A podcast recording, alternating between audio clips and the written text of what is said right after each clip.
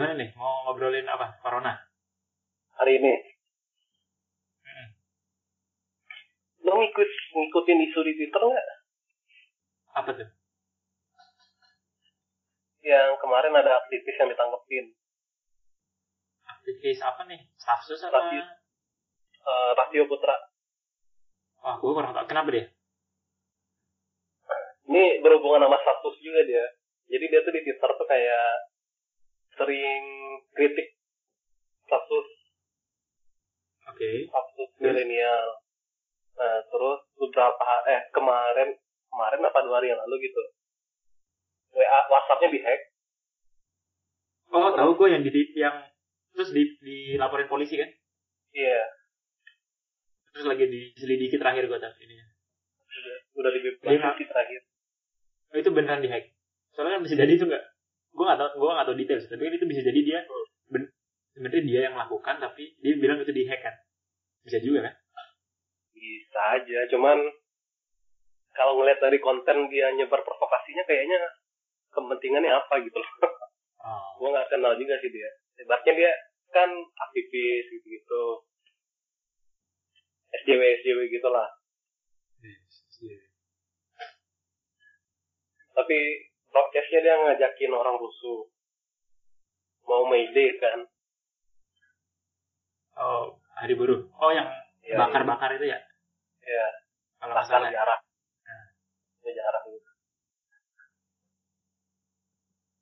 Ya, anjir parah banget krim- kriminalisasinya. Lu Kalau misalnya beneran ya. ini terkait sama corona nih ya. Itu kan Nah.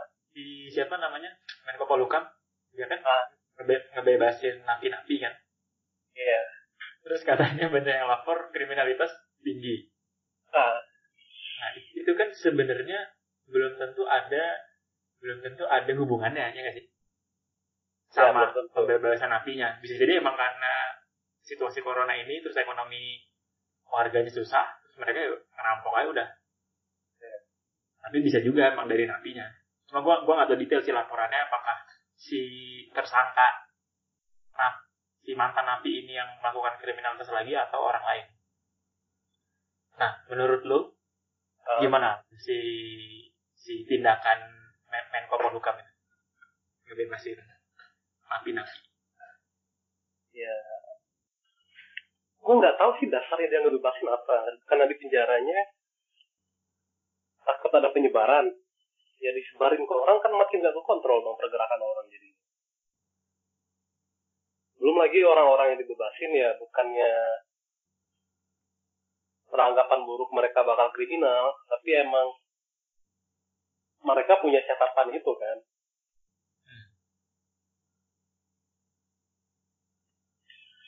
Menurut gue blunder sih lepasin blunder parah. nah, dan dan dia kan juga kalau nggak salah ya dia Ah. terakhir terakhir gue baca berita dia meminta si napi balik lagi itu gue nggak tahu ya, kelan- kelanjutannya gimana tuh gue nggak tahu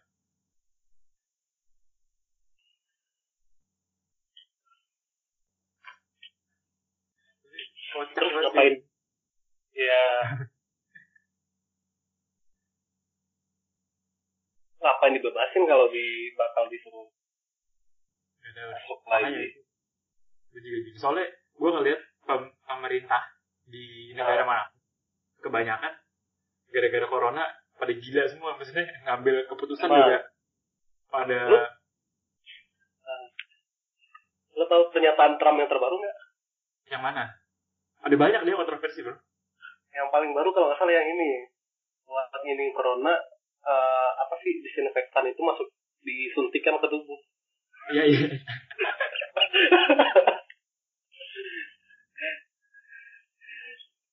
dia dia banyak banget bikin blunder bro. Gue nonton si Trevor Noah tau gak? Apa daily daily daily show. Ah, Itu dia sering ngebahas si blundernya Trump tentang corona. dia nggak corona aja udah banyak blundernya, apalagi corona. Iya. Dia aja, dia itu dulu beberapa bulan lalu dia ngeban eh, travel dari Europe, Ah, tapi enggak enggak dari UK dan Irlandia. Iya. dengan alasan kasus eh, dengan alasan si UK sama Irlandia eh, kasusnya lebih sedikit Wah, bisa mengontrol padahal kalau dilihat datanya UK Iya. sama Irlandia itu lebih banyak. paling banyak sih enggak cuman banyak yang lebih sedikit dibanding UK dan Irlandia di Eropa terus dia dia bilang si Trevor bilang alasannya mungkin karena dia punya apa namanya golf apa tempat apa gitu. Di UK ya. Jadi dia Jadi biar biar dianya bisa tetap. Iya dia tetap bolak balik aja. Sama ada kasus juga kan sama India apa gitu. kenapa? Soalnya dari barang atau orang dari India itu nggak boleh masuk. Terus kan yang obat corona itu kan yang sekarang tuh pakai obatnya malaria. Apa sih Hmm. nama obatnya? Nah itu India banyak di sana, produksinya banyak di sana. Tapi kan Amerika ngeban India. Ah, Gara-gara ini gue tahu deh ya Trump minta masukin. Ah. terus kalau Sama nggak salah dia bilang yang yang Nah. kita ban itu orang bukan barang dia ngomong gitu Pokoknya gitu lah. Asli dah Trump. Ya kocak-kocak ya pemerintah ya. Di Indonesia juga. Soalnya yang yang KRL atau apa gitu. Misalnya menteri ini udah ngebolehin. Atau sama Luhut dilarang. Ah, maksudnya banyak Dibatalin. orang-orang pejabat-pejabatnya aja ada beda pendapat gitu belum Ah. belum dan menurut satu briefingan. ah, menurut gua karena panik sih maksud gua nggak ada waktu untuk berkonsolidasi misalkan si Anies pengen KRL di stop Ah. ya dia pasti memikirkan eh, masyarakatnya dia warganya dia. Dan dia pasti dapat informasi-informasi dari banyak pihak juga kan. Iya. dan dia merasa si KRL perlu di stop. Nah sementara si menterinya nggak mau. Buat gue yakin dia juga ada pertimbangan sih. Cuman lucu aja sih nggak nggak ada konsolidasi Sebenarnya pertimbangannya sih nggak masalah. Asal kepentingannya itu emang kepentingan buat rakyat gitu, bukan buat kepentingan mereka. Nah. Misal gara-gara ini dihalang atau dihambat, jadi mungkin ada bisnisnya yang kehambat juga atau gimana. Kan kita nggak tahu politisi politisi gini. nah, menurut lu gimana si di Indonesia harusnya penanganannya gimana sekarang Ya udah telat parah sih Indonesia. Awal-awal kan lucu-lucuan dulu kan semua pejabat. oh, eh, itu gobloknya luar biasa sih di, apalagi sih ngeliat ngeliat si menteri kesehatan Perawan.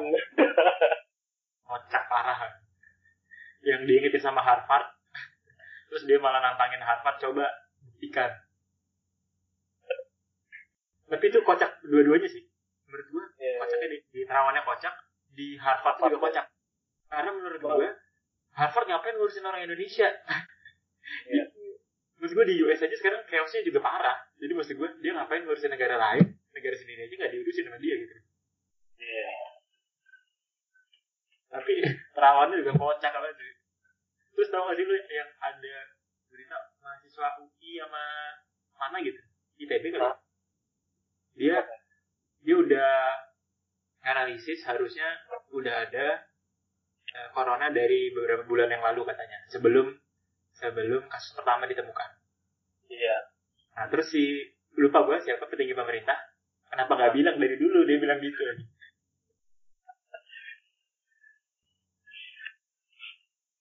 Orang udah dibilangin sama Harvard aja masih ngeyel. Denial kan. Terus Nah. kocaknya, kocaknya lagi, udahlah kerjanya nggak bener. Bikin pernyataan di medianya itu nggak nggak bener juga. Ya gimana sih? kayak ya kayak yang itu kenapa nggak bilang dari dulu lah kan? Ya harusnya tuh jangan gitu dong ngomong di media gitu.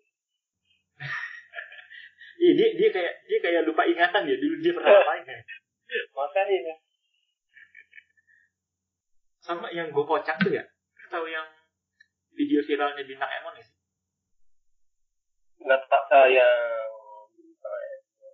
pernah lihat sih cuma gue nggak ingat ininya konteksnya apa. Ah. Poin gue tuh sebenarnya lu tau gak sih? Si bintang Emon kan viral banget. Sampai ada guru-guru guru-guru sekolah ngasih tugas ke muridnya Ah. disuruh bikin video buat menghimbau orang-orang biar eh, diem di rumah aja social distancing dan lain-lain kan. Dan sampai seviral itu akhirnya si pemerintah itu ngajak si bintang Emon buat jadi jubir jubir corona. Seriusan? Serius cuman ditolak sama si bintang Emon setahu gua. Nah poin gua adalah kenapa pemerintah membutuhkan jubir di sini? Nah, mas mas gua kenapa pemerintah nggak nggak nggak didengar sama masyarakatnya gitu sampai membutuhkan jubir Eh, mungkin karena blunder dari awal satu terus ini udah ada tokoh nih yang didengar sama orang kalau misalnya tokoh ini mau kerjasama nanti kan narasi-narasi yang disampaikan ini bisa disetting nah nanti kan ujung-ujungnya malah ya sama aja sama pemerintah dong maksud gua jadi seka- Iya. si kasihan si Iya. bintang Emon ya si jubir jadi kasihan lu tau gak sih Iya. Ini dari Hmm. sudut pandang pemerintahnya maksudnya Ya, dulu pemerintah nganjurin jangan pakai masker. iya Terus pernah makan hmm. ya, terus sekarang malah semua disuruh pakai masker. Nah, maksud gue dari situ aja pelan-pelan gitu kan. Ya, oke lah kita emang belum tahu banyak tentang si virus ini. Tapi maksud gue dari yang sekecil itu aja bisa sedrastis itu gitu. Itu juga katanya dari WHO-nya juga awalnya himbauannya emang buat yang sakit iya. doang. Ya itu dari WHO juga ada beberapa blunder juga sih. Ya bahkan di negara-negara lain juga begitu sama juga. Apalagi yang terkait mas pakai masker apa enggak. Cuma yang jadi masalah menurut gua oke lah dari dulu dulu karena mungkin ngikutin WHO. Terus yang pakai masker yang sakit. Terus sekarang udah ini pakai masker semua. Kayak seolah-olah dia lupa doa dulu tuh pernah ngomongnya kayak gitu. Jadi nggak jujur gitu. Dan eh, lu tau lu ingat gak sih dulu waktu si WHO udah ngasih warning ke seluruh dunia kalau Ah, ini udah jadi global pandemi. Indonesia ada di Iya, level iya. mana coba? di Indonesia waktu itu kalau nggak salah yang ngasih insentif pariwisata. iya, berapa berapa bilion dolar gitu kan anjing goblok banget. Sampai Kalau gua disuruh tiket, datang. iya sampai gue tiket ke Padang itu murah banget. kan. Kalau gue pulang. Enggak. Iya, bah- bahkan lu ke luar negeri pun murah saat itu ah, karena Iya, iya, iya. ka- karena maskapai udah sepi banget. Sampai ke Korea ada sampai dua puluh ribu apa tiket. Dua ribu rupiah. Iya. Sampai ada yang sampai promo parah gitu. Dan itu gila banget sih. Dan orang-orang malah liburan. Orang Indonesia tuh banyak yang liburan saat itu, coy. Ke luar negeri. Tanpa awareness tentang virus itu. Luar biasa. Tapi pemerintahnya selain pemerintahnya kocak, warganya juga kocak juga sih, nggak kalah kocak sih. Keluarganya. Keluarga pemerintah. Kayak warga-warga. Oh, warga. Lu, lu tau gak sih ada ada orang yang gara-gara kesel sama orang-orang di sekitarnya sama masyarakat sekitar Ah. karena mereka masyarakat sekitar- sekitarnya tuh nggak taat sama social distancing jadi dia suka masih suka keluar nah, jadi dia waktu Iya. malam-malam dia pura-pura jadi pocong biar nakut-nakutin orang Iya, iya, biar hidup di rumah. Nah, tapi kocaknya lagi orang-orang di sekitarnya malah malah jadi pengen keluar, malah pengen jadi foto sama pocongnya buat disebar di sosial media. gue jadi gue jadi bingung ya goblok tuh siapa sih? Semuanya jadi goblok kayak. Nah, maksud gue jadi jadi wajar aja sih gue ngeliatnya pemerintah banyak blundernya karena ya warganya cerminan sendiri. dari warganya.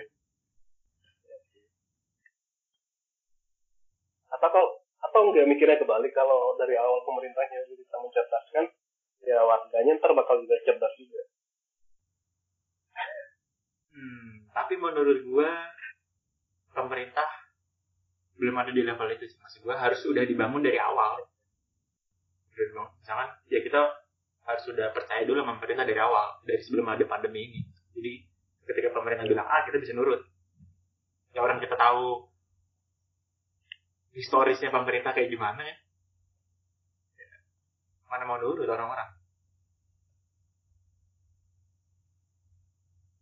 Gue yakin kayak di. Korea Singapura itu gue yakin warganya pada nurut.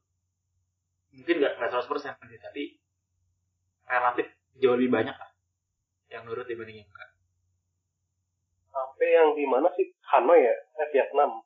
Itu udah nggak ada kasus penambahan kasus positif. Terus sudah berhenti social distancing oh iya Vietnam.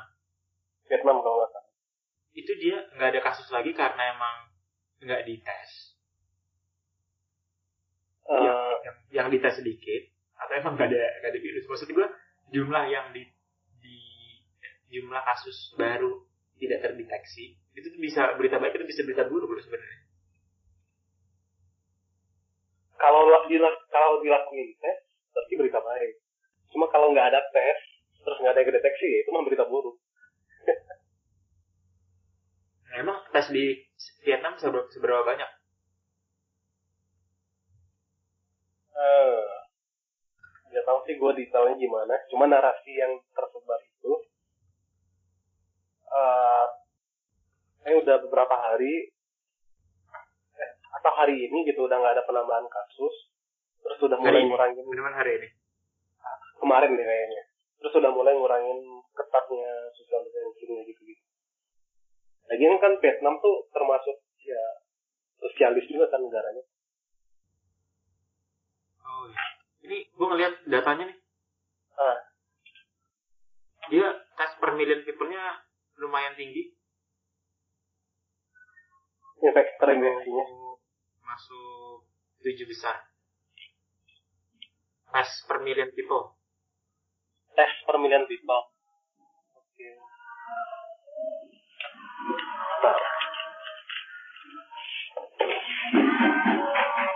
Harapan denger nggak lu? Tahun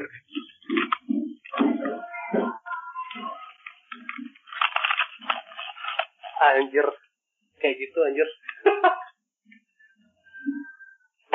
Denger nggak dengar suara sahur ya? Iya. Nah, itu biasa kayak yang anak-anak kayak gitu. Gitu. maksud gue ini kan lagi lagi corona nih social distancing ya. Itu gue iya. gue yakin itu di luar dia nggak mungkin sendiri kan? Pasti rame kan? Rame pasti. Maksud gue anjir. Tingkat kesadarannya di mana sih? Warga-warga. Sama ini paling kocak.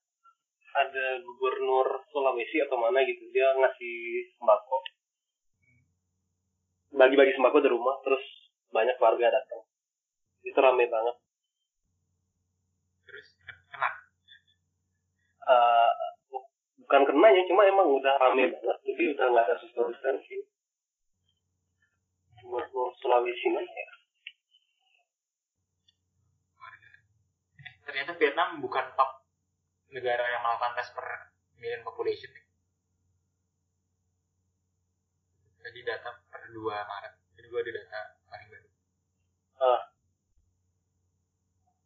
atau narasi yang gue dapet di ini tuh nih Tapi emang kasusnya, emang kasusnya nggak ada sih. confirmnya 268 recovernya 224 Hari ini ada plus 2. Hari ini plus 2.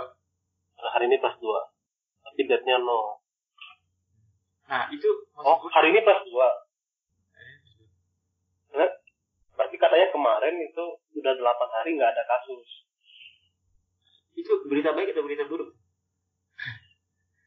Dia ya, melakukan sekitar 2000 tes per Hah? 1 juta populasi. Jadi berapa tuh?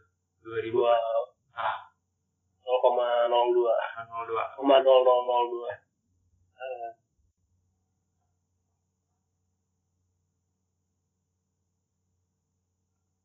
Dibanding kita kayak masih bagusan mereka. Kalau gitu. Kita berapa sih kalau Indonesia? Apanya? as per million population Eh, 234 berapa? 234 dan Indonesia salah satu yang rate death rate-nya paling gede aja. Iya sampai mendekati 10 persen kan. Dan menurut gue itu yang nggak terdetek mati karena corona. Maksud gue mati. Iya. oke lah dia mati sebenarnya utamanya karena penyakit lain tapi di saat dia mati kan dia kena ada corona juga. Itu banyak yang nggak terdetek.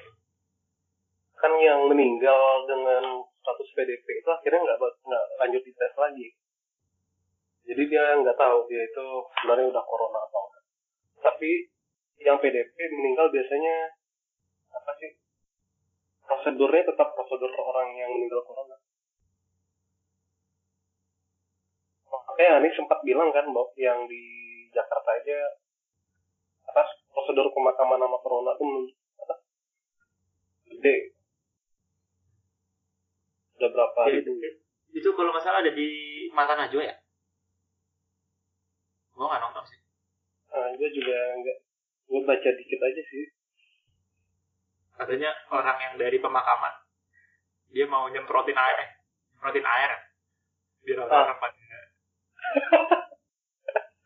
pada minggir diam di rumah.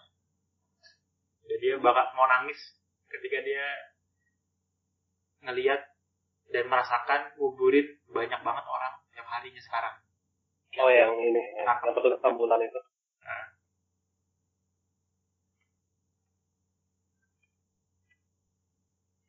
menurut lu harusnya gimana nih sekarang kan?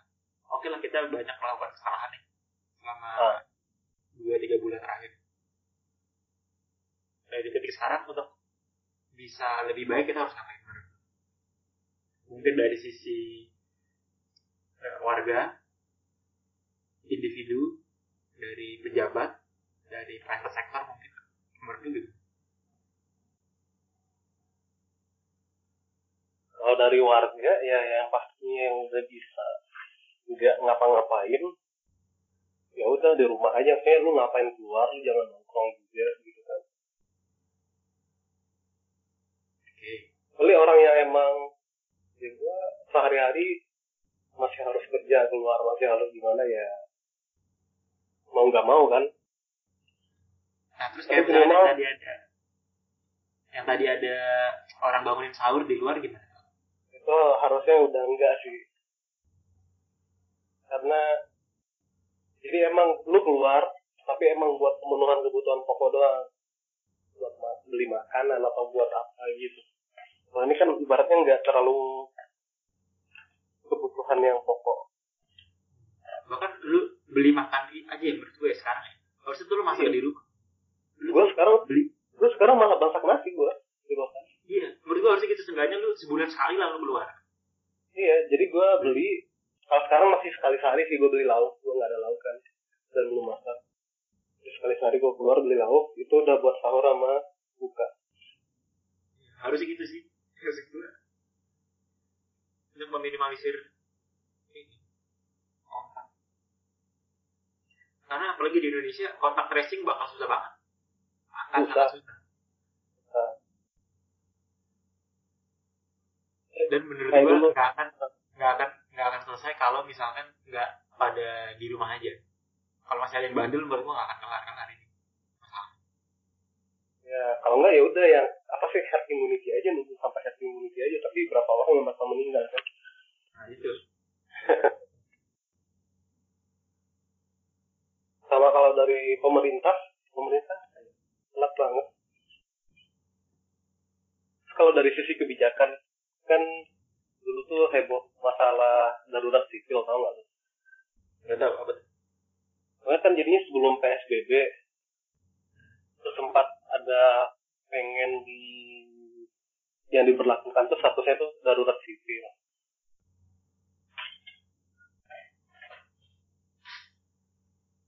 Terus Jadi kalau darurat sipil, gue nggak tahu sih apa aja yang bisa dilakukan di darurat sipil. Cuma kalau darurat darurat sipil pemerintah tuh nggak ada kewajiban buat ngasih buat nanggung kehidupan masyarakat. Terus bisa banget rawan, terus rawan dengan adanya pelanggaran HAM.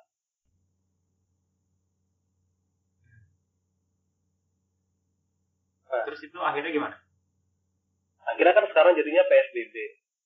Tapi PSBB Oh. itu juga nggak tahu gue dasar hukumnya gimana. Cuma yang harusnya ditetapkan kan yang emang apa? Yang karantina wilayah. Yang eh, emang ada undang-undangnya, cuma nggak diterapin sepenuhnya. Jadi kayak dicomot-comot dikit, udah bikin PSBB. Ya kalau emang yang sesuai undang-undang itu, semua orang itu wajib ditanggung pemerintah buat pemenuhan kehidupan sehari-hari. PSBB Kalau yang karantina kesehatan, oh.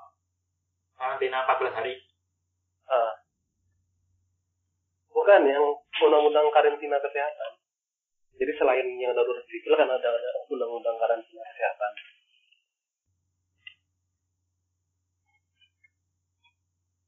itu kalau semuanya karantina kesehatan emang pemerintah sanggup?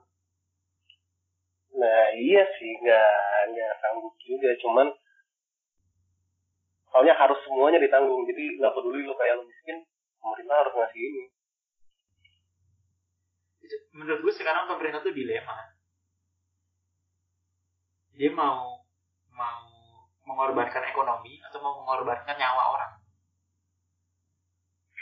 Pi- pilihan besar cuma ada dua itu kalau mau menyelamatkan nyawa yang banyak resikonya lu Ekonomi aja. ekonomi hancur banget parah. Cepet hancurnya. Ah. tapi kalau lu mau menyelamatkan ekonomi sebenarnya susah juga. Tapi lu bisa menunda menunda hancurnya ekonomi sambil berharap sama vaksin. Sambil Iya. dan berharap warga yang mati nggak banyak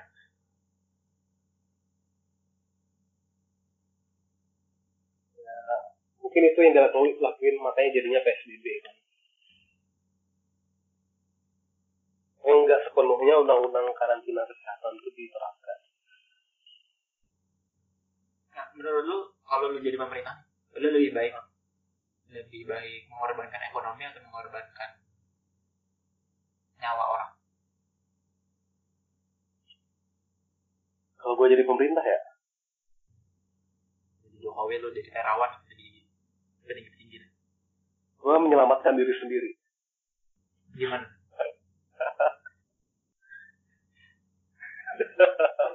Bagian diri sendiri gimana? Ke Wuhan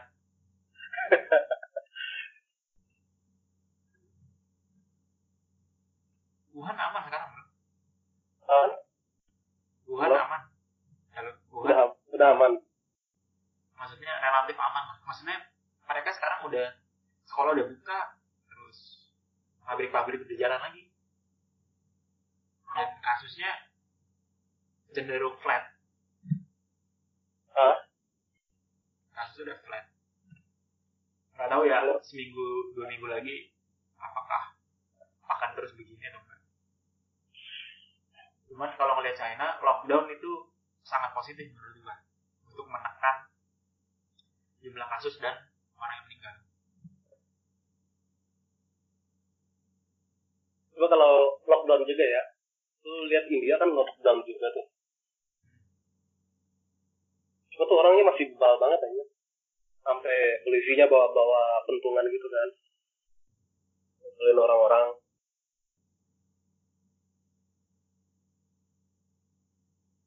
Terus ada yang ada videonya orang yang masih nakal itu keluar waktu di lockdown dimasukin ke ambulan terus di dalamnya itu ada polisi yang lagi pura-pura jadi pasien corona. Nah nakutin gitu? Takut nakutin. Terus akhirnya gimana si si pasiennya? Jadi takut aja. Ya buat lucu-lucuan doang sih kayaknya. Cuman Nggak, lu, lu, lu, lu tau gak sih? Di India. Di India Ah. nggak salah. Jadi ada orang bikin kayak mobil-mobilan gitu. Ah, bentuknya bentuknya bentuk virus corona jadi dia jalan loh ada virus corona anjing itu dia dengan tujuan untuk nakut-nakutin si orang gua ada virus corona beneran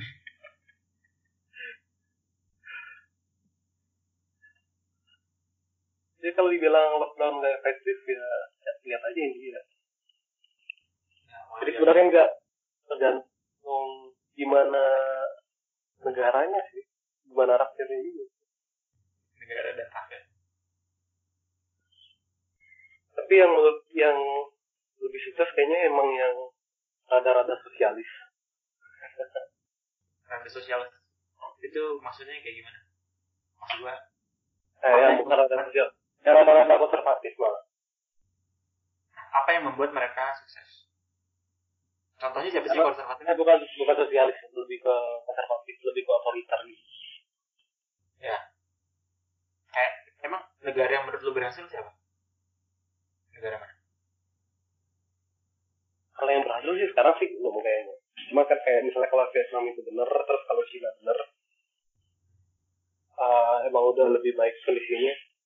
Korsel Korsel Kalau Portugal malah udah nggak konservatif, kan. udah lebih progresif. Nah. ya tapi tapi menurut gua Korsel salah satu yang berhasil juga Iya, tapi dia dengan metode yang berbeda. Dia kan nggak lockdown kan. dia nggak lockdown dia pakai rapid test rapid test. rapid test dan big data analisis Itu solusi cerdas sih kayaknya. Iya. Emang solusi cerdas.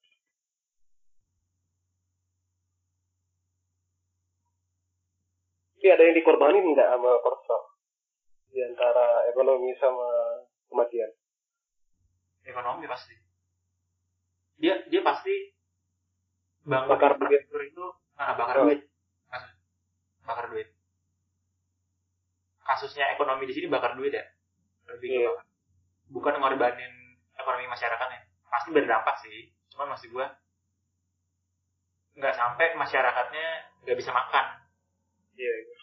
maksud gua kan kalau kalau yang di bayangan gua kalau misalkan lu lockdown lu Iya. kan di rumah aja sementara banyak kerja-kerja yang lu gak akan bisa makan gak bisa dapet duit kalau misalkan lu di rumah aja kayak misalkan yang bersih-bersih terus eh, tukang parkir restoran lain-lain nah sementara kalau di Korsel karena mereka nggak lockdown yang pekerja-pekerja kayak gitu tuh masih bisa dapet duit sebenarnya. Meskipun ya pasti ada efeknya sih. Tapi dampak ekonomi per individunya nggak akan sebesar ketika lu lockdown. Nah tapi dampak ekonominya lebih ke ya lu gelontorin duit sebanyak-banyaknya sih Korsel buat bikin Buat rapid test. nah, buat rapid test terus buat analisis ngumpulin banyak orang maksudnya Itu juga orang. SM, SMA nya juga harus iya itu pasti banyak yang analisis tuh dan melakukan analisis terus sos tracingnya gimana Dan itu rapid test nggak mungkin sekali doang kan. iya mungkin. satu orang bisa berapa kali tes misalnya sekarang tes nih habis itu misalkan seminggu kemudian bisa Seminggu lagi. dites lagi ya.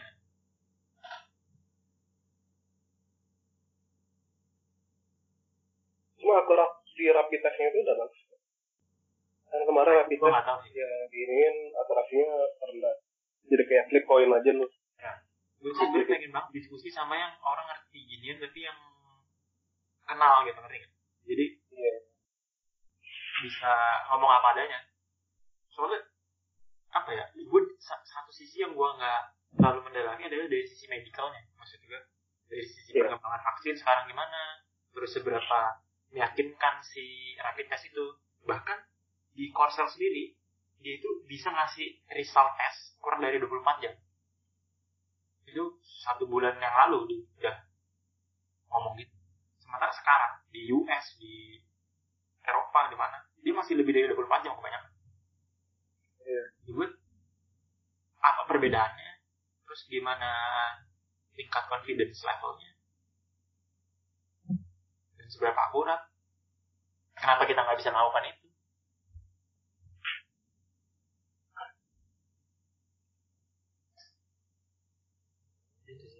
Ya wah nggak ada yang kenal sedekat itu dan mendalami di situ.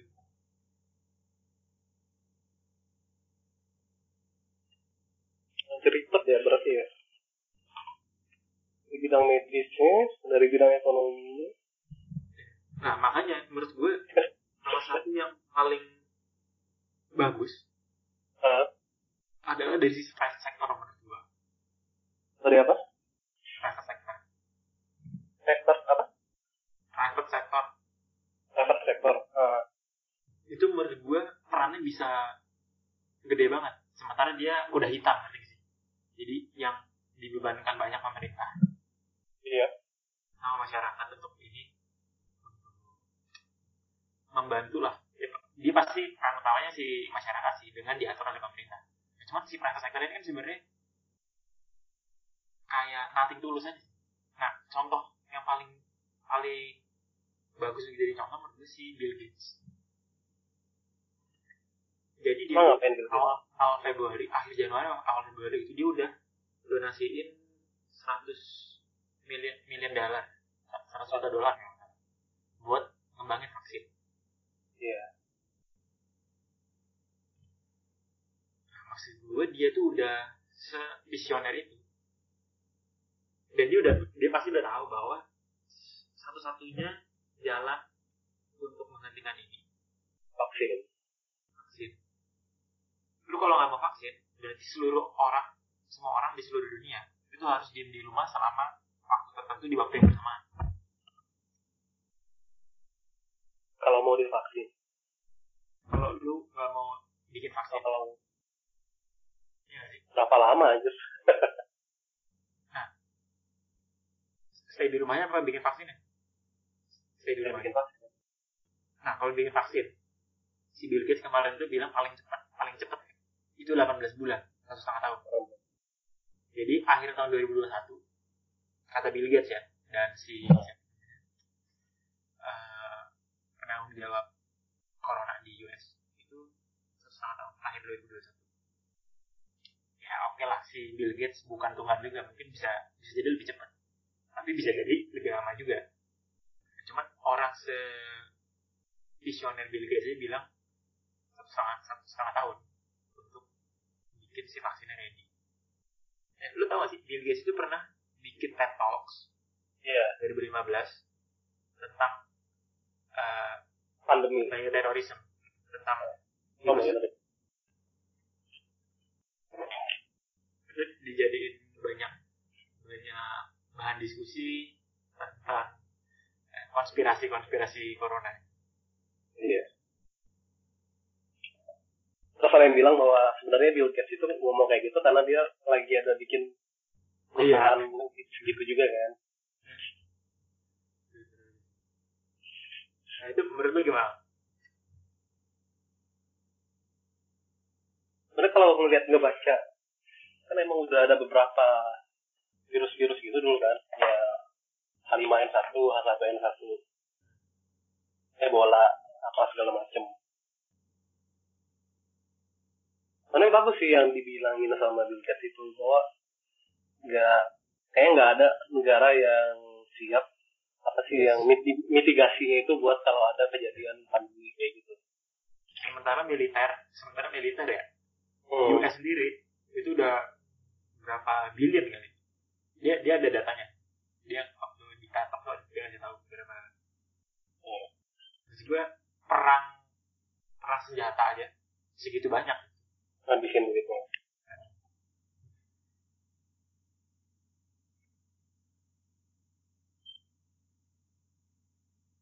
Gila emang. Anjir, sampai 2021 kacau sih. Ya itu. Mungkin sih kalau kalau sampai kerja lagi maksud gue sampai kantor Hmm. buka lagi, sekolah buka lagi itu bisa lebih cepat dari itu. Cuman untuk benar-benar hidup balik normal lagi. Soalnya gue yakin katakanlah satu setengah tahun lagi vaksin baru ada. Iya. Itu bisa jadi event-event gede yang tidak esensial. Itu bisa jadi masih belum buka kayak sports. Ya yeah. ya meskipun sebenarnya untuk beberapa orang itu juga jadi eh, tempat kerjaan mereka sih. Ya, gimana ya? Dia ada yeah. bikin acara kerumunan berkerumun banyak gitu. Jadi nggak kayak di restoran berarti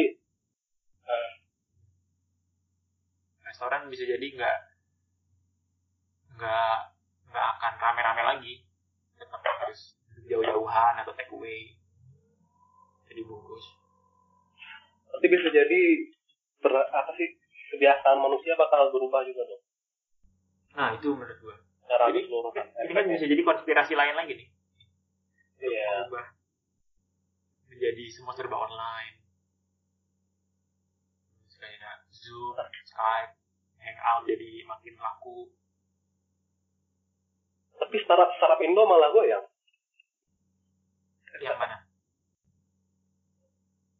Kan banyak tuh perusahaan ya kemarin Traveloka banyak layoff kabarnya. kalau Traveloka wajar karena industrinya Industri yang kena ya. Kalau Gojek masih ada food ya. E-commerce masih masih masih aman sih harusnya. Tapi CTO Bukalapak cabut ya. Gue denger denger sih cabut ya. Itu CTO-nya yang mantan dari BlackBerry ya. hmm, gue kurang kurang kurang apa sih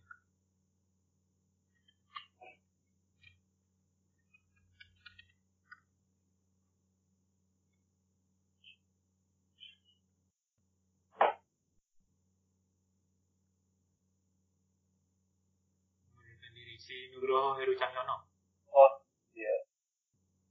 Ini yang foundernya.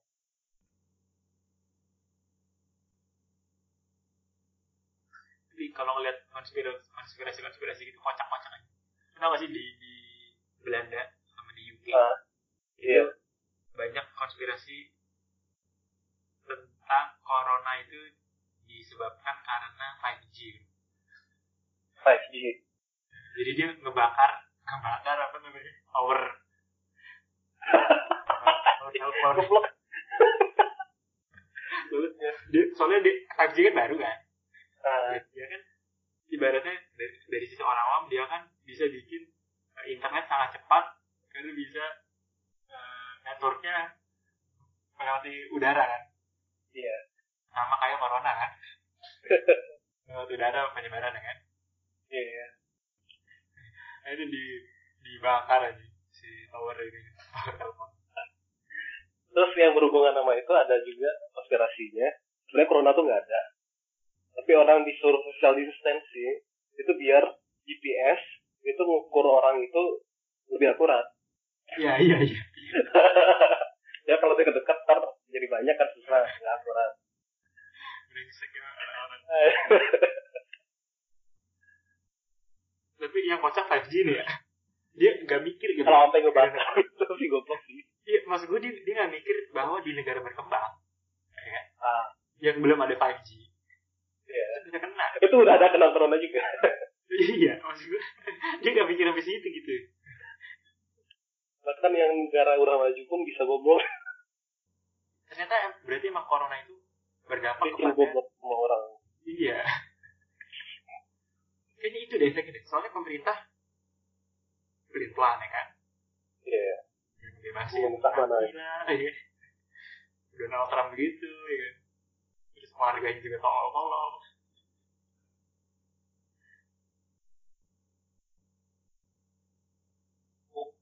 Kayaknya bukan corona bikin orang goblok. Tapi corona menampakkan kegoblokan orang-orang. eh, lu tau gak sih ada konspirasi lain lagi, Al? Jadi, Apa? lu, menurut lu orang yang paling dirugikan karena ada corona aja apa? Orangnya maksudnya grup emang orang banget nih.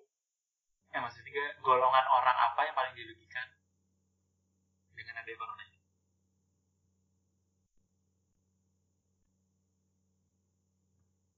Yang menengah ke bawah sih pasti.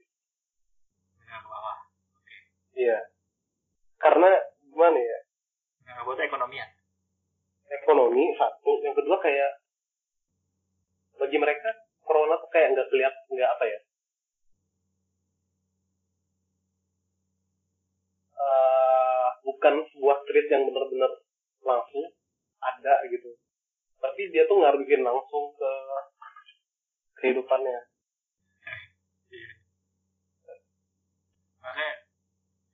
Gue mikirnya bahwa ada Ah. kemungkinan bahwa sebenarnya corona itu adalah sebuah obat untuk bukan obat juga sih.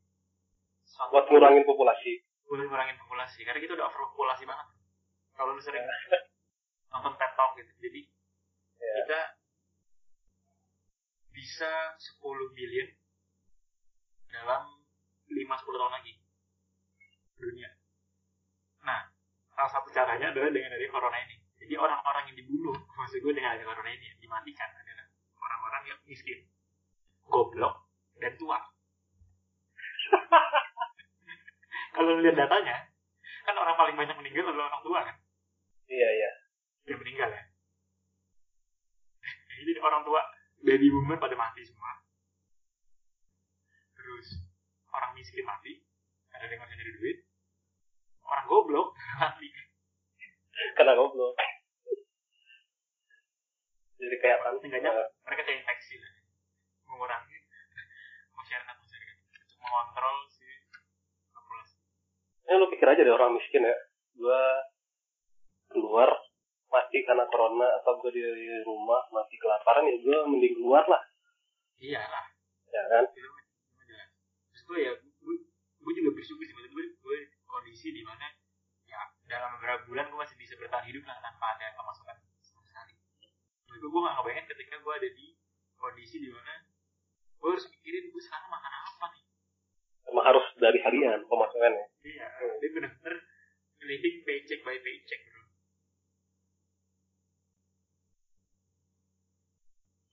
Kalau konspirasi-konspirasi itu anjir lebih kayak cocok logi doang sih.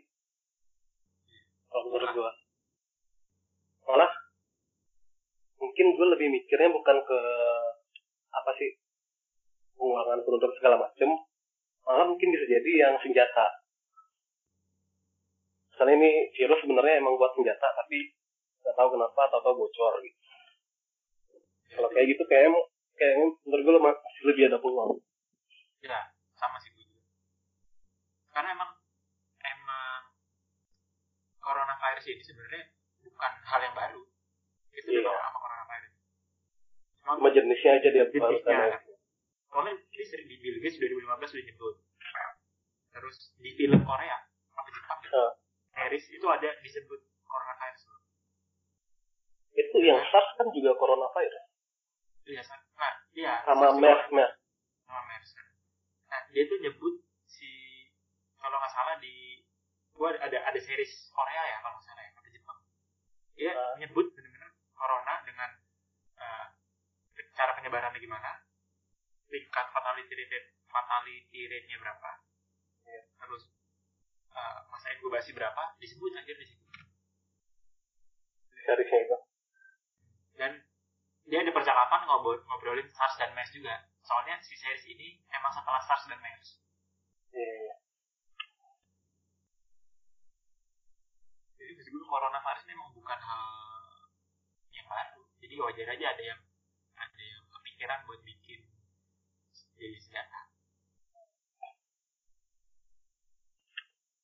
Bukan bukan jadi ya ya sih. Jadi corona virus virusnya dikembangin bikin senjata eh tahu-tahu bocor. Dan kalau China yang jadi pelakunya menurut gue logis banget sih. Cuma kan kemarin tuh lempar-lemparan ini China nyalahin Amerika Amerika nyalahin China. Ya wajar. Kan lagi tegang juga kemarin akhir-akhir ya. Perang dagang juga. Eh, tapi kocaknya si di Middle East lagi pada perang. Di mana? Middle East di Arab. Oh iya iya. Ah, dengar-dengar katanya ya berkurang ininya perangnya berkurang. Gara-gara virus tapi bisa membawa kedamaian juga ya nah makanya gue mikirnya tuh justru sebenarnya ya hal pos hal menurut gue banyak banget hal positif dari corona ini menurut gue satu mengurangi populasi. Oke. Iya. maksudnya bukan mengurangi mengontrol lah mengontrol populasi. Dua eh, apa tadi? Perang perang senjata ya berkurang Iya. lah. Ya, dua eh tiga orang-orang jadi pada mikir lu hidup selama ini ngapain aja bro banyak relasi ya banyak yang eh, makin dekat sama keluarganya bahkan di Cina ini gue gak tahu ini positif atau negatif ya jadi banyak Ah. setelah setelah setelah lockdown kelar banyak yang Iya. udah nyerah ya. Mau cerai, oh iya, karena kelamaan sama di rumah sama pasangan. terus gue itu bisa jadi baik bisa jadi buruk tapi berita baik adalah lu semakin mengenal keluarga lu Iya gak cuma keluarga lu diri lu sendiri sih. Jadi banyak orang yang mempertanyakan tujuan hidupnya. Terus jadi makin didekatkan dengan teman-teman dekatnya lu pasti gue ngeliat ya orang-orang gue malah seneng gue ngeliat orang-orang pada pada video call atau grup call gitu sama teman-teman lamanya. Terus malah jadi Kayak kayak lagi gitu ya. iya semakin menghargai hubungan personal terus lu jadi sering ngingetin teman lu hati-hati gue ngeliat banyak banget eh, binatang-binatang ya. Iya.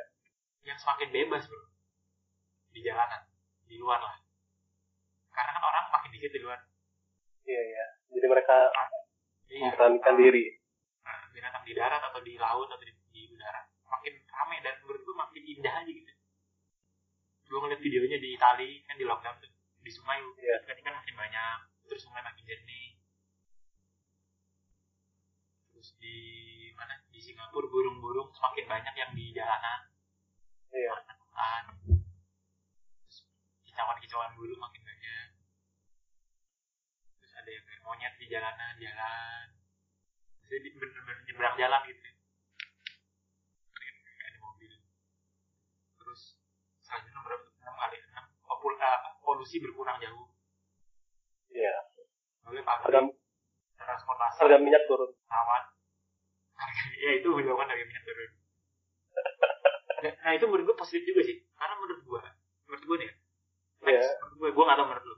Menurut gue Nah. next next big problem dunia adalah global warming menurut gue Bisa jadi.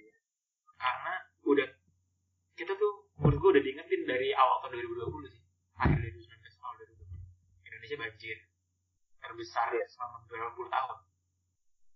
Di Jakarta itu kayak itu setahu gue paling besar selama kita pernah ngerekam eh, data hujan data banjir dan hujan Iya, iya. Data, data hujannya paling gede. terus Australia Kebakaran. terus di mana Himalaya udah banyak tumbuh tanaman-tanaman. Berarti udah mulai kurang dingin gitu ya. terus banyak banyak kayak bencana alam yang benar-benar jarang terjadi di tempat itu. Di kayak misalkan ada tempat yang jarang banget gempa tiba-tiba gempa. Iya. gunung berapi selama ini nggak pernah aktif jadi aktif. Di Filipina sama di Jepang kalau salah. Sebenarnya ini bisa jadi pengingat aja sih. Bahwa masalah ini global warming dan dengan adanya corona ada ada obat lah sedikit buat bumi itu menurut gua gua tersentuh banget sih menurut gua jadi gua jadi malah bersyukur adanya corona Kalau gue nggak setuju sih. kan nah nggak maksudnya ya Nah. dilepas dari terlepas Ya. dari Iya. ini ya Ya, dengan nilai-nilai positif tuh menurut gue harganya terlalu mahal sih. Dengan corona ini. harganya benar nah tapi kan maksud gua Eh, sisi positifnya lagi kalau kita- dibilang kalau dibilang sisi positif enggak, tapi lebih ke cara positif kita menghadapinya aja. benar nah tapi sisi positif lainnya kita jadi kita jadi pemerintah jadi pada sadar harusnya bahwa mereka tidak siap untuk menghadapi masalah seperti ini maksud gue nih kalau misalkan lu benar dari sisi pemerintah atau dari sisi keluarga itu tuh Eh. nyawa bisa diselamatkan bisa nggak sebanyak ini sebenarnya katakanlah ini ini emang kecelakaan lah eh, corona Oke. kalau nangannya benar lu nggak akan segila ini orang yang mati karena corona Hmm, kalau gue dari sisi pemerintah skeptis juga sih. Misalnya banjir nih. Banjir tuh udah kejadian yang bakal kita kejadian misalnya di Jakarta. iya benar Tapi masih aja susah kan ngadepinnya. Nah, bener. Nah, makanya gue bilang bahwa ini sebenarnya masalah utamanya bukan corona. Oke lah corona masalah, tapi masalah utamanya bukan corona. Masalah utamanya ya kita sendiri. Gimana ngadepinnya? Uh, uh, uh.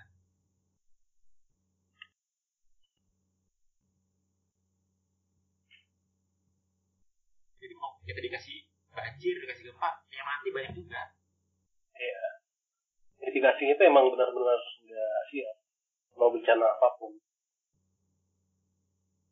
Nah itu makanya gue berpikir bahwa corona ini banyak banget positifnya.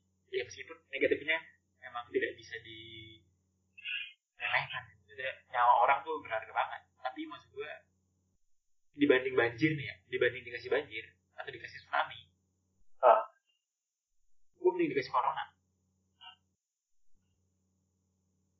Karena sisi positifnya jauh lebih berasa bro. Menurut gue nih ya. iya. Soalnya dia nggak destruktif langsung ke nggak destruktif apa ya nggak ada yang diserangnya emang ke manusianya gitu bukan ke alamnya bukan Yes. yes. Dan membuat manusia jadi mikir. Ah, Ketika tsunami nih di Aceh, ini pasti ba- banyak yang mikir bahwa untuk next kalau misalnya ada tsunami, peningkatannya nggak akan se- segitunya dibanding dibanding sekarang. Jadi manusia masih ba- banyak yang jadi akrab sama keluarga, terus jadi mikir tujuan hidupnya, terus jadi bantu sesama, ya kan? Gue yakin harusnya manusia juga mikirin nanti ke depan kalau ada masalah kayak gini gimana lagi. Pemerintah bebenah, warga juga bebenah cara pikirnya. Ini menurut gue gila banget sih. Yang bikin corona ini luar biasa. Kalau kayak gitu hidup kita habis buat ngurusin bencana doang. Enggak. Ya, maksud gue harusnya sengaja sih ya. Maksud gue dibanding lu gelontorin duit buat militer iya iya. untuk untuk bunuh-bunuhan minyak mending lu kalau kasih duit mau yang lebih bermanfaat gue udah sentilan banyak ini. Tapi kalau buat orang yang otaknya bisnisnya emang ini susah juga sih. Bisnis bisnis yang konservatif lah. Lu, lu tau dan sih? kalau yang orang-orang kayak Bill Gates pasti nggak banyak lah. Apa? Yang yang kayak Bill Gates tuh yang kayak gimana?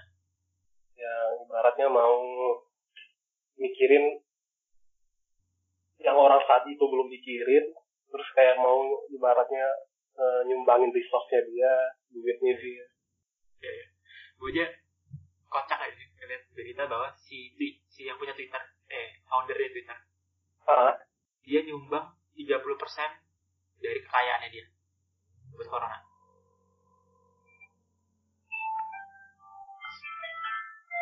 Itu banyak Salah. 30 persen. 30% nih itu udah persen al bukan nominal. Banyak kan lu bayangin aja lu punya duit 100 juta 30 juta. Lu buat corona. Bayangin sama Jeff Bezos sama Mark Zuckerberg. Yang sebenarnya founder Twitter ini Iya. gue rasa sudah masuk 25 besar orang terkaya di dunia nih iya iya. Tapi dia ngasih sumbangan yang jauh lebih besar dibanding Jeff Bezos. Dari sisi nominal lebih besar dari sisi persentase jauh lebih besar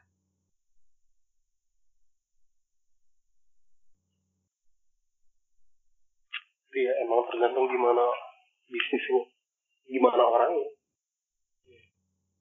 dan itu menurut gue makin kelihatan sih mana orang baik mana orang.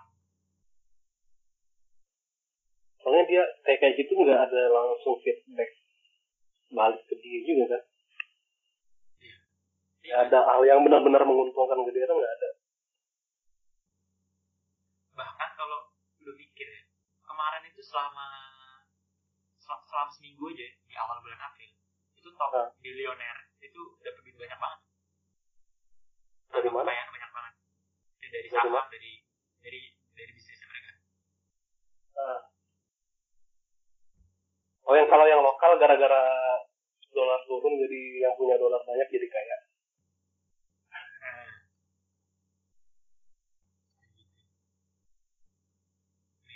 Sepuluh Nih, dapat 51 juta billion. 51 billion dollars as economic crisis.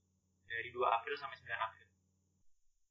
Jeff Bezos dapat 6,8 billion. 6,8 billion itu. 68 triliun aja. 100, 100 triliun berarti. 68 100 triliun rupiah. Hmm.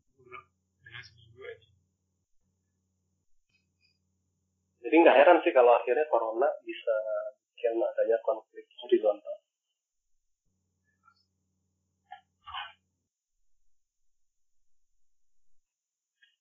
Lu pernah dengar nggak ada apa yang juru bicara buat corona ini dia bilang yang apa yang kaya bantu yang miskin yang miskin jangan nularin ke yang kaya.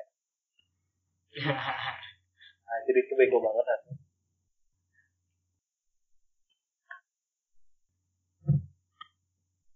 Padahal yang benar-benar dirugiin itu malah yang emang yang ke bawah. ada juga yang bilang bahwa yang kaya jadi miskin yang miskin mati Mati. ini kalau gue rasa definisi kayanya tuh belum kaya kaya banget ya, kayaknya menengah lah menengah yang lo masih jadi pekerja yang masih bergantung sama orang kalau yang kaya-kaya banget mah udah aman anjir. udah aman lah lu ongkang-ongkang kaki juga bisa hidup Iya. sampai tujuh turunan aja Di turunan aman, lu mau lockdown di rumah bakal aman-aman aja. Eh lu tau Cristiano Ronaldo gak sih? Apa? Cristiano Ronaldo. Ah, yang dia beli pulau. dia? Beli pulau aja Itu beneran apa gimana sih? Gak tau sih gue Tapi di beritanya gitu. Awal Februari apa ya? Pas lagi Itali lagi gede-gedenya Iya. Gue orang kaya bebas banget ya. Kita lockdown dia dia mau ngapain. di pulau aja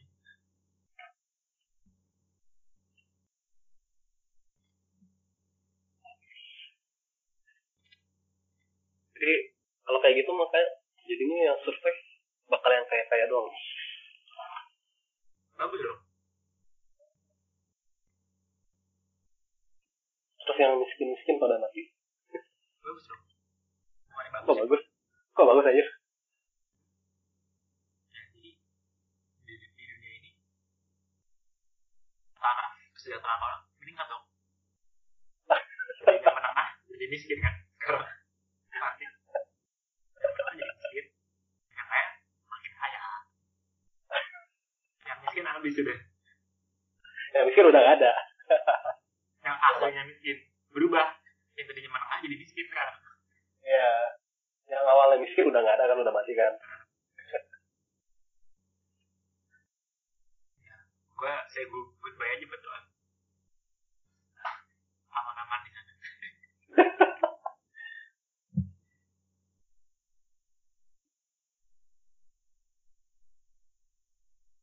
prediksi lu gimana ya ke depan Buat apanya?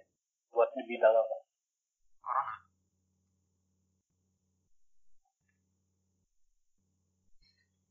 Yang pasti itu eh, banyak sektor bakal berubah. Apa, sih? Gimana kehidupan manusia nih bakal berubah? Bakal banyak berubah harusnya. seputar apa nih berubahnya tuh di seputar apa Dari segi pandangan, pemikiran harusnya kalau orang mikir dari segi peluang peluang usaha ke depannya gimana gimana kantor itu gimana sih orang nggak jadi nggak melulu kerja remote itu bakal ini selama ini pas corona survive kok bisa kok kerja remote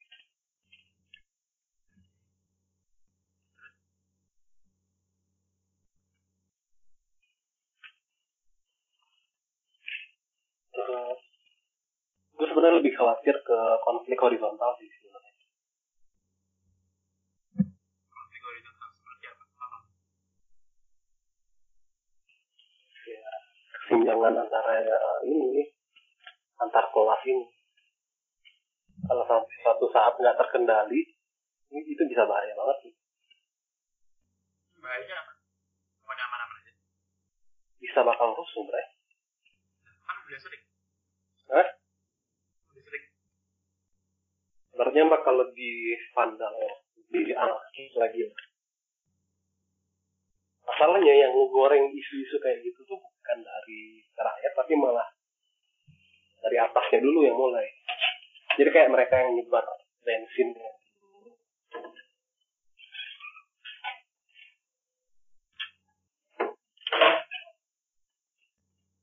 terus ntar panas sendiri sama dia warga Indonesia gitu ya.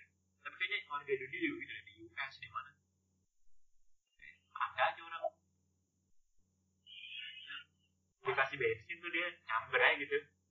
Orang Iya. soalnya yang nyebar bensin itu yang dari atas sendiri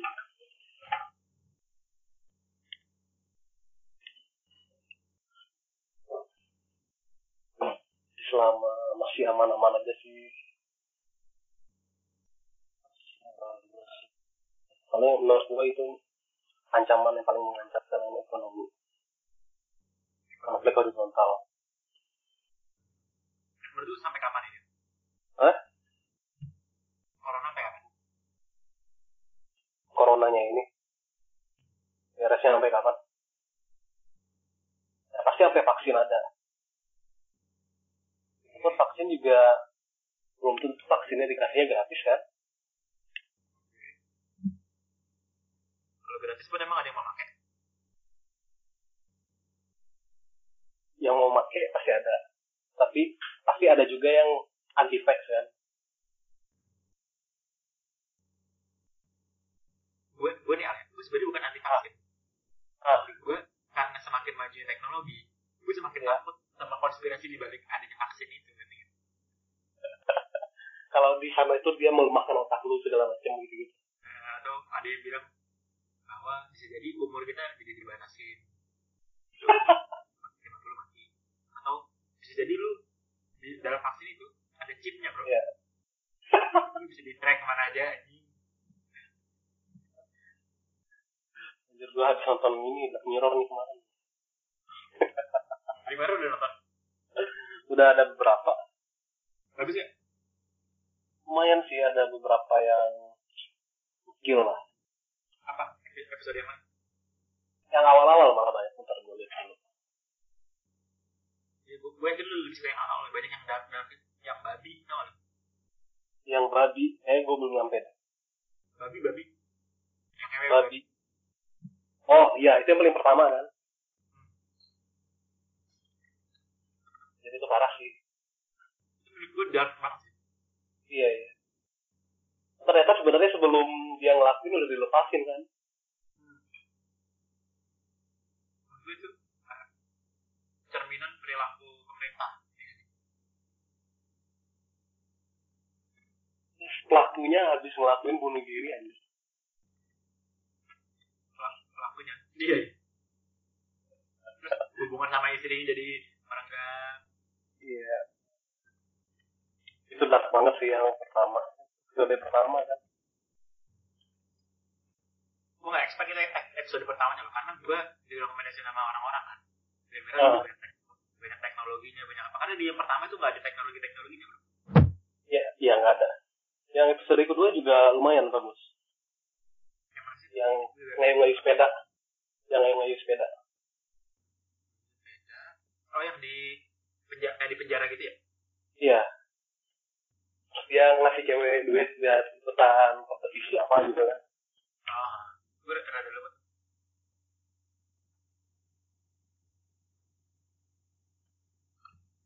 yang paling suka. Udah berapa nonton episode? Berapa episode lu tonton season satu sih udah semua tiga tiganya nah, cuma tiga kan dia season satu. Paling seru season satu sih. Nah, Selanjutnya lu tuh udah. udah. Udah lima. Udah udah semua Hah? lu udah semua nonton udah nonton season semua satu udah season satu udah season dua baru beberapa dong lu tau dari mana season satu paling bagus aja Dari gue udah nonton tiga season. Oke. Terus? Soalnya kalau yang uh, selanjutnya itu makin makin sini tuh kayak makin teknologinya makin canggih-canggih tapi kayak Value-nya kurang dark. Jadi kurang dark. Kritiknya kurang, pesannya kurang. Apanya? Apanya? Kritiknya lah, pesannya, Oh, iya. pesan. gue tuh yang suka ya yang Black Museum Yang apa? 4 Black Oh, Museum oh, season belum 4 nonton. Belum nonton. gue lumayan suka ada twist ceritanya juga oke banyak teknologinya mungkin pesannya nggak terlalu banyak tapi kena aja sih menurut gue terus kalau nggak salah Shut Up and Dance season 3 Shut up and dance, oh yang dia ngehack orang ya? yang apa? Ya yang yang ngehack Ngehack orang, terus disuruh ngelakuin apa? Nah, Gak tau akhirnya nge-troll anjir. gue lumayan suka tuh. Sama gue suka yang ini, apa sih judulnya? Yang matanya ini bisa ngerekam gitu. Terus dia ketahuan istrinya selingkuh. matanya bisa ngerekam Apa ya judulnya?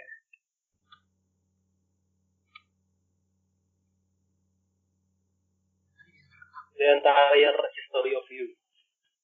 apa The Entire History of You. Itu season 1 yang episode 3. oh gue gue belum nonton Itu gokil sih. iya soalnya gue ngeliat dari dari gambarnya kurang menarik ini awalnya Ya, ini dari sisi romance menarik sih. Kebetulan gue pernah ngerasain kayak gini aja.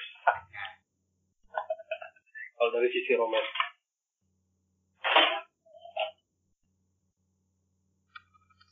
Terus padahal dia pakai artisnya enggak nggak artis terkenal terkenal. awas ya. Tapi ceritanya bagus. Ya lumayan banyak yang bagus Hmm. sama ada ada ada lagi yang jarang. Menurut gue sedikit orang yang bakal bisa ngerti. San? Junipero San Apa? Junipero season 3 episode 4 San Junipero yang lesbi yang lesbi Oh, ini gue nggak skip. Kurang seru kayaknya.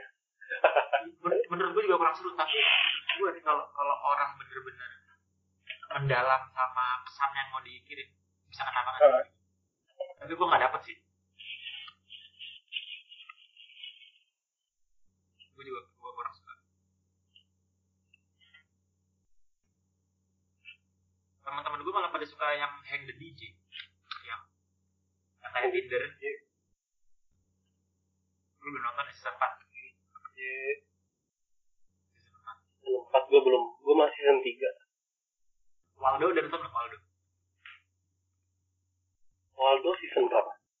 season 2 ya mana? boneka mau jadi mau jadi pre eh, mau jadi DPR apa apa gitu Oh anjir, komedian itu ya? Nah, Dia jadi, ah iya. iya. jadi boneka Terus sampai dia ikut anjir, ikut pemilunya. iya makanya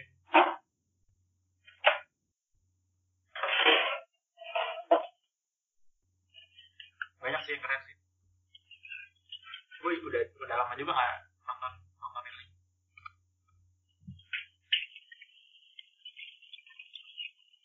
Terus Jadi- kita jadi ngomongin jadi ngomongin Black Mirror sih dari corona ya. Berhubungan sama vaksin. Iya. Terus kenapa ke corona ya? Eh ke Black Mirror ya? Kan, misalnya hal vaksin itu yang lo takutin, dia kan bisa jadi iya. Ketakutan apa sih?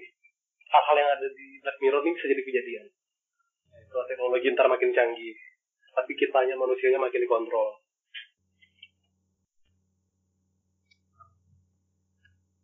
Lu kalau ada vaksin mau pakai apa? Gua pakai dah, kayak gue rawan anjir, gue gak sehat-sehat amat orangnya. gue kayak kalau corona bisa bisa cepat mati gue. Jadi mending vaksin aja. eh tapi lu belum jawab pertanyaan gue kira-kira sampai kapan nih corona nih? Timeline waktu dalam waktu. Iya. Oh. gue optimis sampai akhir tahun. Okay. sekarang gue balik tanya akhir tahun. Kondisinya yeah. Indonesia udah kayak gimana? Dunia udah kayak gimana? Secara umum coronanya masih ada vaksin nggak jelas ada atau enggak, tapi kayak orang udah terbiasa dan kayak udah masa bodoh. Tapi orang eh, kantor sekolah udah pada. Hah? Kantor sekolah udah pada normal lagi. Sekolah mungkin masih belum, tapi mungkin kantor beberapa udah udah mulai buka. Orang udah nggak peduli lagi mungkin sama social distancing segala macam. Orang udah pada bosan. Menurut gua ya, Kayak acara sport-sport gitu udah pada buka. Mungkin udah banyak orang udah mulai banyak nongkrong udah banyak. Orang udah mulai pariwisata. Kayak kayak lu kan kalau pariwisata itu kan sebenarnya Hmm. individu kan maksud gua ya suka-suka lu aja mau ngapain tapi Iya. kalau lu bikin konser lu bikin Kalau event-event gede gitu. event gede kayak olimpik Oh, kalau event gede mungkin belum, tapi kayak tapi kayak misalnya gua sama komunitas gua mau pergi ke mana kayak gitu mungkin kayak udah mulai ada. Yang event gede banget kayak enggak, belum ada sih. Tapi poinnya itu orang tuh poinnya menurut gua orang tuh udah mulai bosan sih. dan menurut gua ekonomi orang-orang juga udah itu yang paling dikhawatirin ekonomi orang-orang sudah. harus ada solusinya nih yang mau nalangin mereka hidup Kalau nggak ditalangin, kalau enggak ya udah jalan kayak normal lagi. Kalau enggak mati kelaparan, kalau enggak ya ingin rusuk. Pilihannya itu. terus si coronanya bener-bener habis maksud gua habis itu belum tentu sampai bener-bener nol banget ya tapi sampai kayak SARS sampai kayak MERS gitulah Ah. sekarang kan SARS sama MERS kan nggak ter- nggak kelihatan kan Iya. padahal gue yakin ada yang kena Sampai kapan menurut lo? Kita sampai di tahap SARS sekarang Menurut lo sampai kapan? Ini lo nanya apa ngasih tahu? gue nanya gue nanya Oh, gue nanya. Corona tuh sampai kapan habisnya? Ntar, kalau MERS sama SARS itu berapa tahun sih? mereka cenderung cepat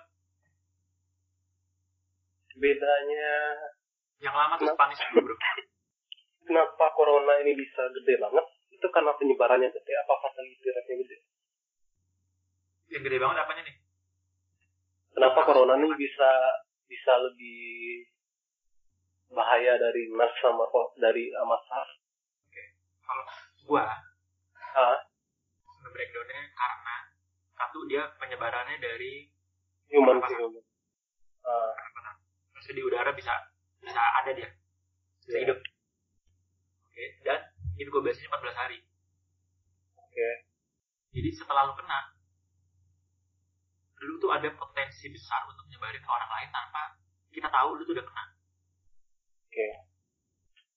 kalau yang lain-lain itu cepat lu sekarang kena nih lu bisa dites lu kena lu ketahuan Oh. lu kena jadi lu bisa di prevent bisa dicegah untuk menularkan penyakit itu ke orang lain. Dan penyebarannya juga penyakit lain itu tidak semudah ini penyebarannya. Oke. sementara sementara si corona si apa covid 19 ini satu lu kena sekarang lu dites sekarang lu Iya. belum tentu ketahuan lu sakit. Bisa jadi lu baru ketahuan dua minggu lagi. Nah selama dua minggu itu lu tuh bisa nyebarin virus ke banyak orang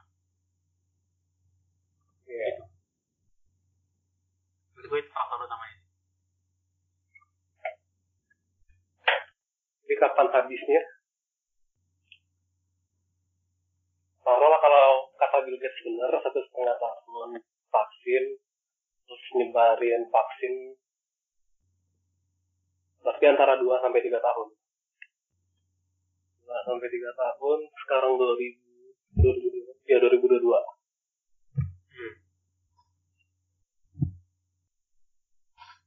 soalnya Spanish flu aja lebih dari setahun coba.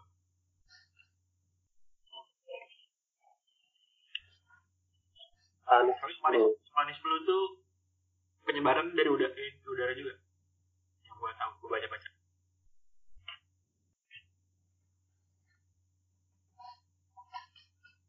oh. ini udah lama banget ya? Satu abad yang lalu bro. Ini tuh di presentasinya Bill Gates Ah, jadi selama selama kurun waktu berapa ratus tahun ada tiga ada tiga ada tiga tiga masa di mana banyak orang meninggal Oke. satu itu perang dunia kedua Oke. ini Iya. bukan berdasarkan urutan ya bukan berdasarkan urutan perang dunia kedua. terus perang dunia pertama dan satu lagi yang aneh adalah di antara satu dunia satu dan perang dunia ada si Spanish flu ini Oh, berarti Ya, corona ini antara corona ini antara dunia dua sama tiga. bisa jadi nah, tapi kan mas mas sebenarnya si si perang dunia satu perang dunia dua itu selisihnya gak nyampe 50 tahun bro Iya jadi benar-benar di antara di antara dua perang itu udah ini gede jumlahnya gede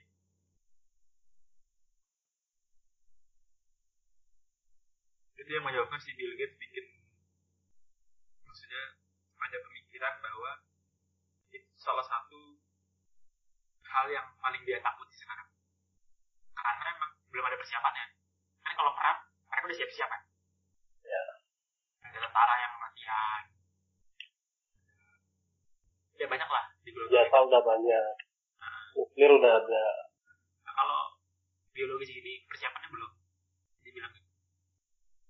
sementara jumlah yang mati sama ya, relatif sama lah sama perang dunia perang dunia ya bukan perang satu, satu negara lawan satu negara ini perang dunia.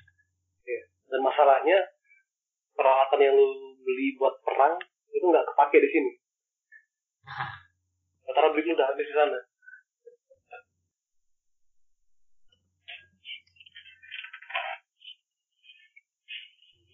dua tahun ya.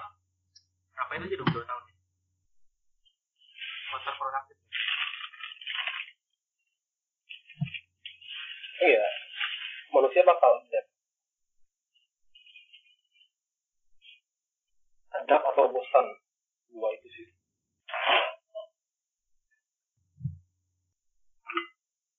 Kalau adapt ya udah berarti kebiasaan berubah. Banyak yang dari rumah. Social distancing segala macam. Tapi kalau bosen, ya udah balik normal kayak sebelum corona tapi coronanya masih ada.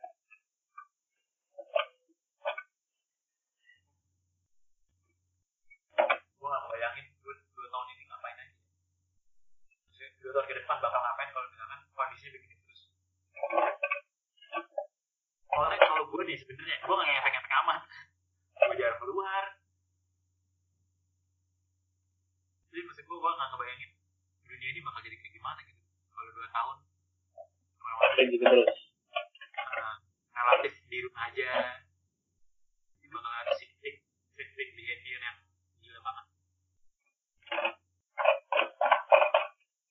Kalau ada pergeseran budaya. Gue gue nggak bayangin lah. Ah. kalau misalnya di Indo itu kan Iya. Oktober bulan Oktoberan kemarin. September Oktober lah itu kan Iya. kan mati lampu kan ya? Ya gue nggak bayangin sekarang lagi lagi kondisi lockdown. Terus Iya. mati lampu kan ya gue kemarin di kosan mati lampu. Dari jam 4 sampai jam sampai malam lah. Ya, itu itu mah masih masih rada mending. Masih, tapi kalau berapa hari kan? Ya mati lampu nggak ada sinyal nggak bisa internet. Tapi gue pernah ngerasain waktu 2009 dulu. Nah kan itu di Padang gempa tuh. Itu kan di Padang Ah. gempa. mati lampu. Listrik Itu- ada mati lampu berapa adalah beberapa gitu. Berapa ekonomi berhenti. Ekonomi semua sudah berhenti. Kayak ada sebulan sebulan lebih. Ekonominya listriknya mati berapa? Listriknya ya paling nggak nyampe mingguan lah paling cuma hari berapa hari? Lagian dulu kan belum butuh banget kan. HP paling dulu buat apa sih? Ya benar-benar internet dulu belum ada. Tapi kalau ada yang kayak gitu ah, menurut gue itu malah bikin orang miskin bertahan. Iya karena mereka udah biasa. Karena udah biasa. Orang kaya yang pusing. Yang bisa adaptasi ya yang biasa udah kayak gini cuman orang miskinnya mereka biasa di rumah nggak? Berarti yang bertahan orang menengah ya? Itu tidak menengah. Ya dia bisa di rumah. Ya betul saja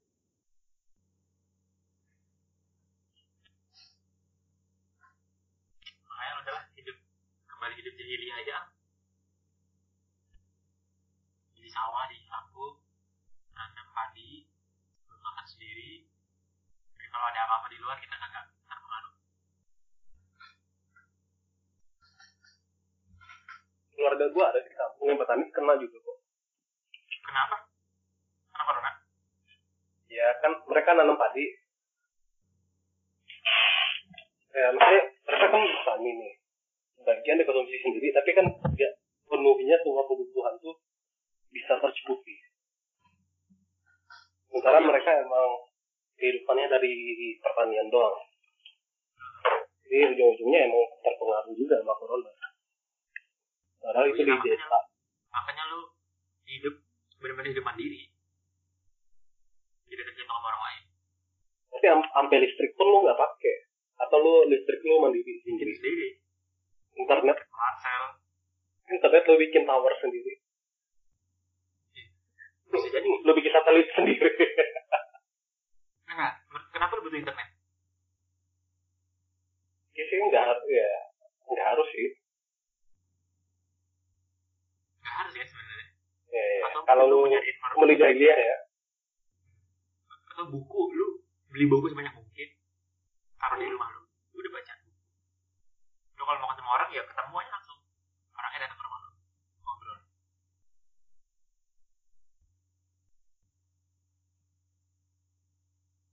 kalau mau belanja lu belanja apaan? Lu punya makanan sendiri? Baju lu punya? Dan lu nggak perlu transport. Apa? Buku Nah, kalau lu, kalau lu bener, lu nggak harus beli pupuk. Dari binatang, dari tai lu, bisa kan? ini emang mandiri banget ya. Iya, itu cita-cita gue banget nih, tapi susah banget kayaknya. Belum terbiasa soal hidup begitu. Pasti banyak penyesuaian yang harus dilakukan. Apa? Sahur dulu kan? Hah? Sahur dulu ya? apa Sahur dulu. gue lagi pak lagi makan Gimana ya? Udah, udah dulu kali ya? Next time kita oke lu udah tahu lu belum. Apa lu nggak puasa kali ya? Buat apa puasa bro? itu harusnya salah satu efek positif corona lu harusnya makin dekat sama Tuhan Nah, tapi pas banget harusnya momennya pas Ramadan lagi ya. iya pas banget sama Ramadan kan. Kan lu di di dekat Ramadan kan. Lu di rumah nggak apa-apain ya udah lu harusnya ibadah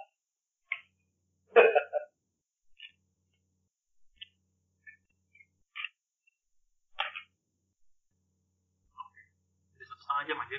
Langsung gua upload aja kali ya. kan Gua stop recording. bebas udah